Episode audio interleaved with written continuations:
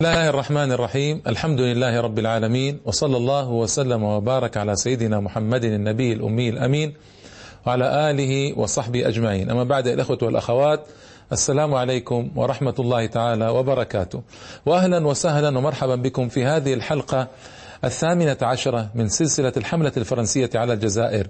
وهذه الحلقة أخصها بذكر أسباب آه، قمع الثورات الجهادية كلها التي جرت في القرن التاسع عشر. وأيضا ذكر ما صنع الفرنسيون بإيجاز من أجل آه، تفريق المجاهدين. يعني أنا أريد أن أبدأ بخبر في الحقيقة في سنة 1971 يعني قريب 1971 احتفلت الجزائر حكومة وشعبا. احتفلوا بماذا؟ بثورة 1871 آه، بمناسبه مرور 100 سنة عليها وذلك في 8 أبريل سنة 1971. هذا الاحتفال يدلنا على أهمية تلك الثورة وعظم تلك الثورة يحتفل بها بعد مئة سنة من وقوعها. آه، طبعا لأن الثورة انطلقت تشمل نصف البلاد الجزائرية تقريبا آه، من البحر شمالا إلى عين الطيبة في أعماق الصحراء جنوبا و آه، أيضا من الجل شرقا إلى من البحر شمالا وهكذا. الثورة حدث فيها 340 معركة كبيرة وصغيرة. ارتفع عدد الثوار الجزائريين إلى 200 ألف مجاهد. القوات الفرنسية وصلت في المراحل يعني كلها في السنوات كلها إلى 800 ألف من الجيش والبحرية والمستوطنين والعملاء. هذا يدل على ثورة هذه ثورة واحدة ثورة سنة 71 و800 وألف. يعني نتيجة رائعة جدا وقوية جدا في هذه الثورة.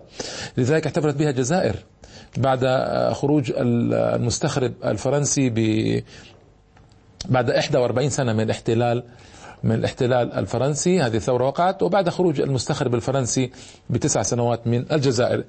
آه، أيضا في الحقيقة آه، هنالك أيها الإخوة والأخوات أسباب أدت إلى آه، عدم اكتمال نتائج هذه الثورات. ما أحب أن أقول فشل وإخفاق هذه الثورات.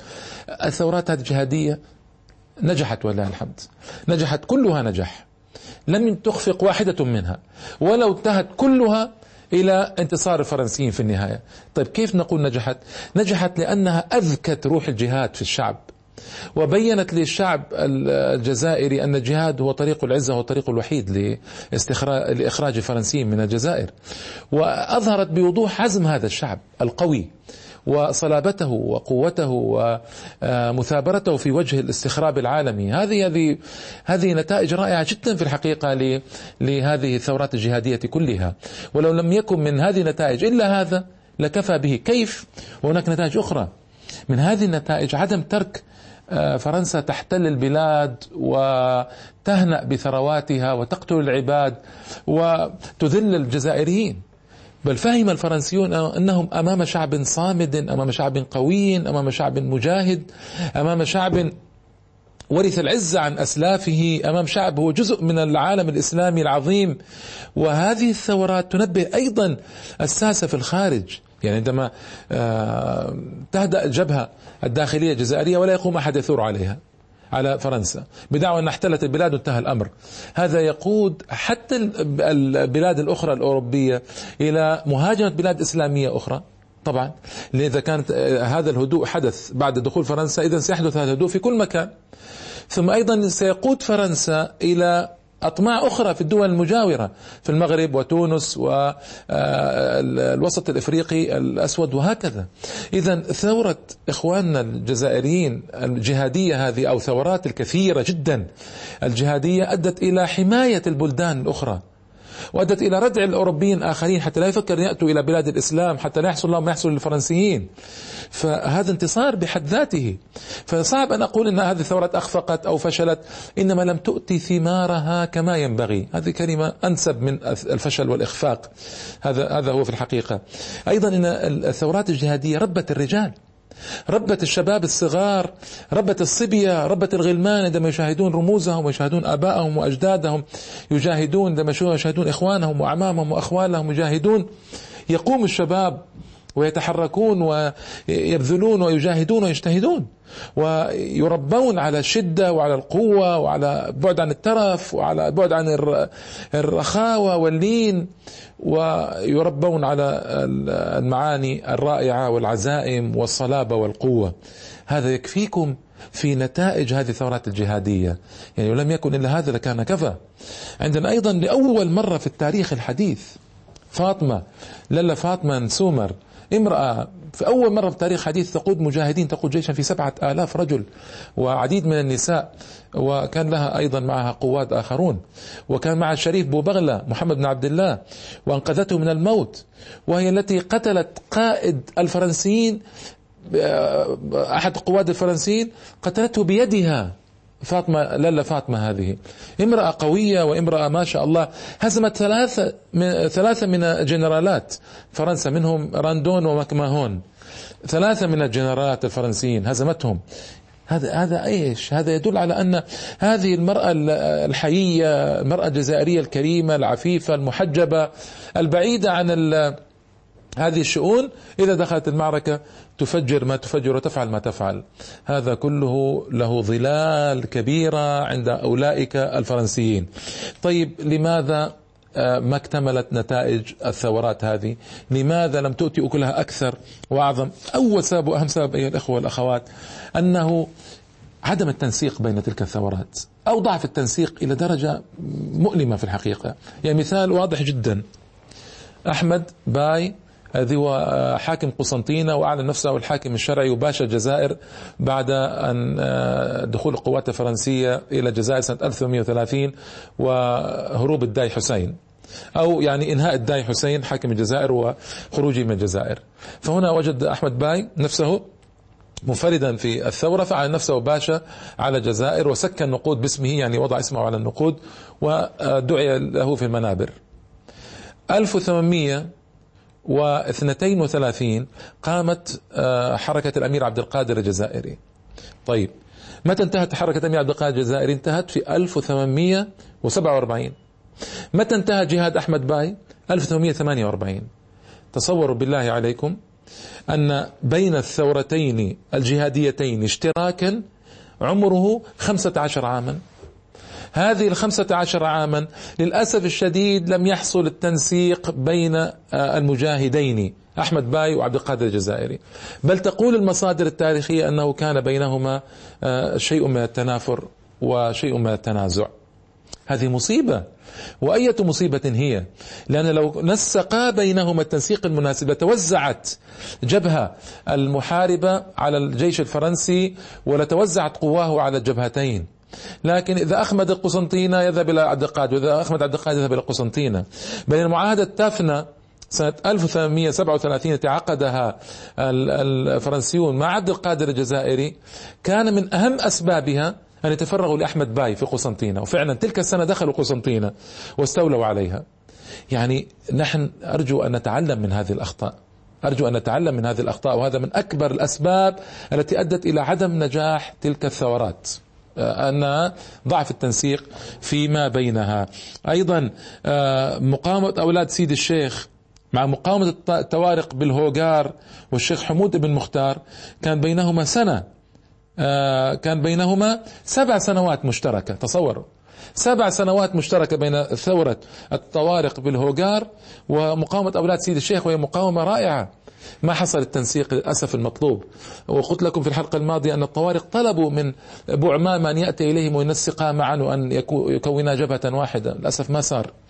آه، أيضا بين مقاومة أولاد سيد الشيخ أنفسهم هؤلاء وبين مقاومة الحاج محمد المقراني في شرق الجزائر ولا في غرب الجزائر ولا في شرق الجزائر كان بينهما سنة مشتركة. كان يمكن تتوزع الجبهات. لو كان هناك تنسيق في ميعاد إقام يعني ميعاد بدء الثورة ميعاد تأجيج الثورة ميعاد المعارك الضخمة في الثورة وميعاد إنهاء الثورة. لو كان هناك شيء من التنسيق لكان ذلك أجدى وأكثر فائدة. لا شك في ذلك ولا ريب عندي. لكن قدر الله ما شاء فعل. يعني هذا هذه نقطة خطيرة وخطيرة جدا. عندنا في الحقيقة عدد كبير من الثورات التي قامت يعني قامت في القرن التاسع عشر تقريبا عشرون ثورة جهادية كبيرة. أنا أتكلم عن ثورات جهادية كبيرة. اتركوا ما كان يجري من الجهاد في مناطق معينة في وقت قليل وسرعان ما يخمد. الثورات الصغيرة التي يقوم بها مجموعة صغيرة هذه بالآلاف لا تعد ولا تحصى طبعا. اتركوا عدد الرجال الذي يرفض ال ال الاستخراب الفرنسي ويرفض ما يجيء به ويكون فردي فردا من الأفراد ويعدم ويقتل أو يسجن. هؤلاء بعشرات الآلاف آه، ولا ولا يحصون. لكن نتحدث عن ثورات الكبيرة عشرون ثورة كبيرة قامت في وجه فرنسا لها دلالات كثيرة ذكرتها آنفا ولها أيضا دلالات في عدم التنسيق آه، كما بينت آه، هنا أمر مهم ومهم جدا أن نذكر ما يتلو هذا من أسباب في عدم نجاح اكتمال نجاح تلك الثورات. في الحقيقة تشعر أن قيام هذه الثورات كان ينقصه التفكير الطويل في الدعم اللوجستي كما يقال اليوم. دعم اللوجستي يعني التموين الوحدات الطعام والشراب المؤونة يعني الدعم الذي يأتي من خارج منطقة الثورة حتى تستمر الثورة وتنشط. هذا للأسف كان يعني التفكير فيه كان قليلا وربما معدوما. ربما كان له أسباب ونتحدث الآن لماذا آه، آه، لن تنجح تلك الثورات النجاح الكامل. هذا هو السبب أو هذه الأسباب التي سأذكرها وذكرت بعضها. فنقص الدعم اللوجستي من الخارج. هذا أيضا أمر مهم ومهم جدا أدى إلى آه، ما أدى إليه. كثير من هذه الثورات تشعر أنها قامت في وقت من أجل آه، استفزاز فرنسي. وهذا حدث دوما. دوما. يعني قل ثورة من هذه الثورات إلا بسبب أن الفرنسيين هؤلاء استفزوا المواطنين استفزوا الجزائريين دفعوهم دفعا إلى ما وصلوا إليه. هذا هذا هذا واقعنا للأسف الشديد. هذا الاستفزاز هذا هو الذي حصل بسببه. حصل أنه قام المواطنون بردة فعل. تشعر فعلا أن كثيرا من الثورات هذه كانت ردة فعل على محاولات الاستفزاز الشديدة الفرنسية.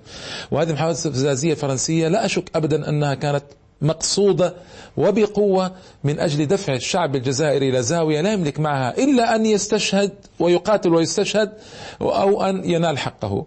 فالموت خير لهم من تلك الحياة. وصلت وصلوا إلى قناعة أن الموت خير لهم من تلك الحياة. ما كان يملكون خيارا آخر. لذلك فنشعر أن هنالك ردات فعل في هذه الثورات كثيرة وكثيرة جدا ومن طبيعة ردات الفعل أن لا تقوم على تخطيط لا تقوم على استعداد كافي لا تقوم على نظر طويل في العواقب لا تقوم على تنسيق ما بين الآخرين. ردة فعل. ردة فعل.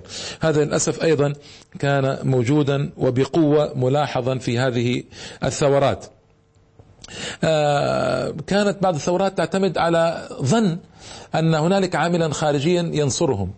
آه، مثل العامل العثماني مثلا. وأنا ذكرت في الحلقة العثمانية فلا أعود لأن الوقت يطول بنا إذا إذا فعلت. و مثلا غزوة آه، فرنسا وحرب القرم مع الروس وأيضا الحرب مع بروسيا. ألمانيا اليوم. فكان بعض الثائرين يظن منهم الحاج محمد المقراني وغيره كانوا يظنون أنه إذا قاموا في بالحرب في هذه الأوقات فإنهم يكسبون لأن فرنسا ضعيفة في ظنهم وضعيفة جدا. وكان هذا سوء تقدير.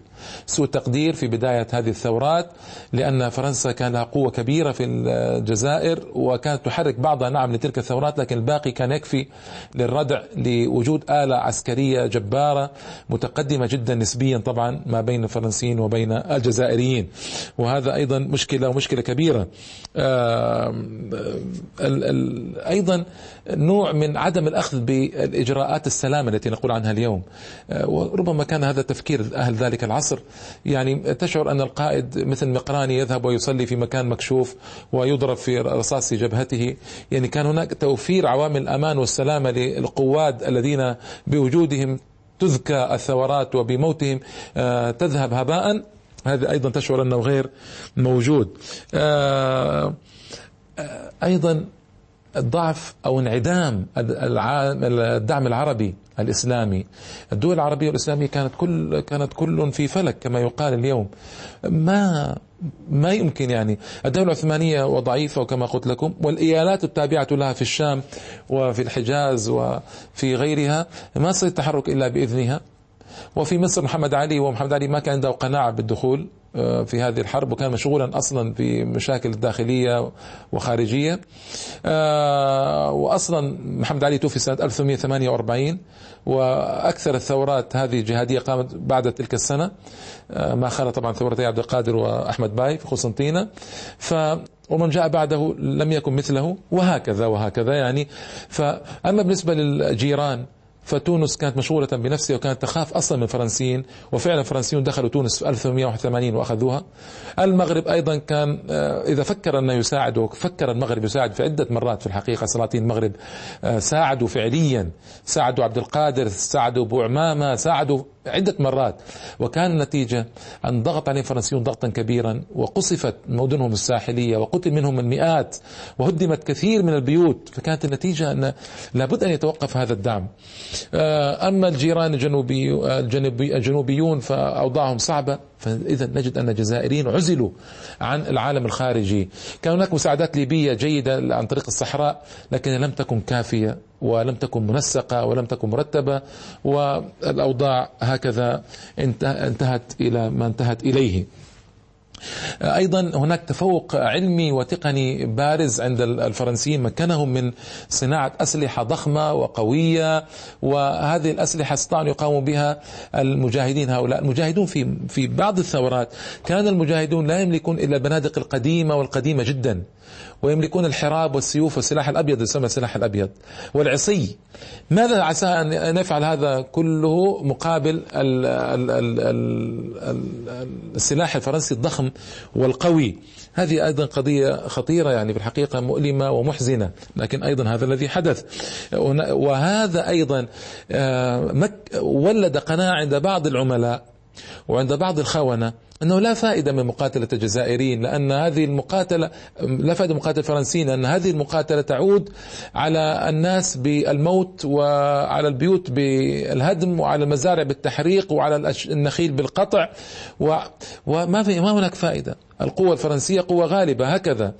هذا طبعا تخذيل وتثبيت لا يجوز.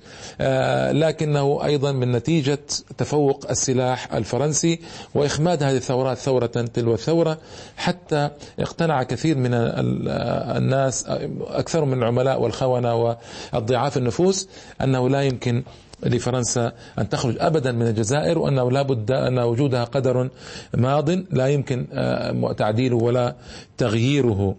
آه، أيضا فرنسا عمدت إلى تدمير القيادات الرائعة القوية للقبائل وللشعوب آه، أو للشعب الجزائري في المدن وتعويضها بقيادات عميلة. تابعة لها. هذه القيادات العميلة كانت تحفظ الأمن وتهدئ السكان وتثبت وتخذل وهي مثلا عبد القادر الجزائري كان عندما بنى المصانع الذخيرة والمدافع وهذه هذه خطوة رائعة جدا. كانت قيادة القيادات العميلة تقول ماذا نصنع بتبذير أموال المسلمين؟ انظروا كيف يبذر أموال المسلمين انظروا كيف يصنع ولا فائدة مقاومة فرنسا وهذا يبذر وهذا يفعل. تثبيت وتخذيل من قبل قيادات عميلة مصنوعة على عين فرنسا. ضعاف النفوس الذين لا يريدون التضحية بمكتسباتهم وثرواتهم ومناصبهم وجاههم في من أجل الجهاد في سبيل الله. هؤلاء ضعاف النفوس كانت فرنسا تخلقهم وتعدهم وتصنعهم على عينها طوال مدة وجودها في الجزائر. لكن الآن مدة الحديث عن القرن التاسع عشر فقط. لكن طوال مدة وجودها في الجزائر كانت تصنع هذه القيادات العميلة. وسيأتي الحديث عن بعضها إن شاء الله تعالى في القرن العشرين عندما نبدأ في القرن العشرين. إن شاء الله تعالى في الحلقات القادمة. وهذه هذه طبعا هذه شيء طبيعي جدا. أيضا وجود العملاء الذين كانوا يدلون الفرنسيين على مكامن مكامن الضعف في هذه الثورات الجهادية ويدلونهم على مواقع الثوار والمجاهدين. هؤلاء العملاء كان لهم أثر كبير وكبير جدا في الحقيقة في تحطيم هذه الثورات وعدم آه، جعلها تؤتي أكلها بشكل جيد ومناسب. أيضا استفادة من فتاوى بعض المشايخ للأسف الفتاوى الضعيفة مشايخ ضعاف النفوس اللي كانوا يفتون بإيقاف الثورات وأن هؤلاء مخربون وأن هؤلاء خارجون عن القانون. تصوروا؟ خارجون عن القانون هكذا. وهذه ليست لغة مشايخ هذه لغة استخراب عالمي لغة مخابرات عالمية. لكنها تعد للشيخ الضعيف ويوقع على الشيخ الضعيف ولا يملك من أمره شيئا لأنه ضعيف. ولو أن أهل العلم صانوه صانهم. لكنه ما لكن ما صانوا ما صانوا العلم الذي تعلموه. للأسف الشديد. دفع الثوار المجاهدون ثمنا غاليا من دمائهم. لكن هذه الدماء الغالية التي توزعت في القطر الجزائري أنبتت أشجار العز وأنبتت المقاومة الرائعة التي سيخرج بسببها المستخر الفرنسي من الجزائر ذليلا مطرودا بعد ذلك بسنوات. هي ليست طويلة في عمر الزمان هي سنوات قصيرة لكن أثبتت أثبت المجاهدون الجزائريون في تلك السنوات أنهم عملوا كل ما يستطيعون بكل ما وكل ما يملكون بحكم آه، الظروف المحيطة آنذاك والعوامل التي آه، اجتمعت عليهم. هذا كل ما استطاعوا أن يفعلوه رضي الله تعالى عنهم. وقد بذلوا وأعطوا وضحوا وفعلوا وهذا الذي نطالبهم به. كنا نحن نطالبهم بهذا فقط. ما نطالبهم بعمل المعجزات والمستحيلات. آه، هذا الذي كان بيدهم ثم قدموا كل ما بيدهم وكل ما وسعهم أن يقدموه. هذا ملخص لكل الثورات الجهادية التي قامت في القرن التاسع عشر. لخصتها لكم في سبع حلقات وبسرعة وإيجاز حتى لا أمل وأطيل. وفي الوقت نفسه حتى أتفرغ لذكر أمور أيضا كثيرة تجري بعد ذلك في حلقات سأذكرها آه، ابتداء من الحلقة القادمة إن شاء الله تعالى. هذا والله تعالى أعلم وأحكم وأجل وأعظم. وإلى اللقاء. والسلام عليكم ورحمة الله تعالى وبركاته.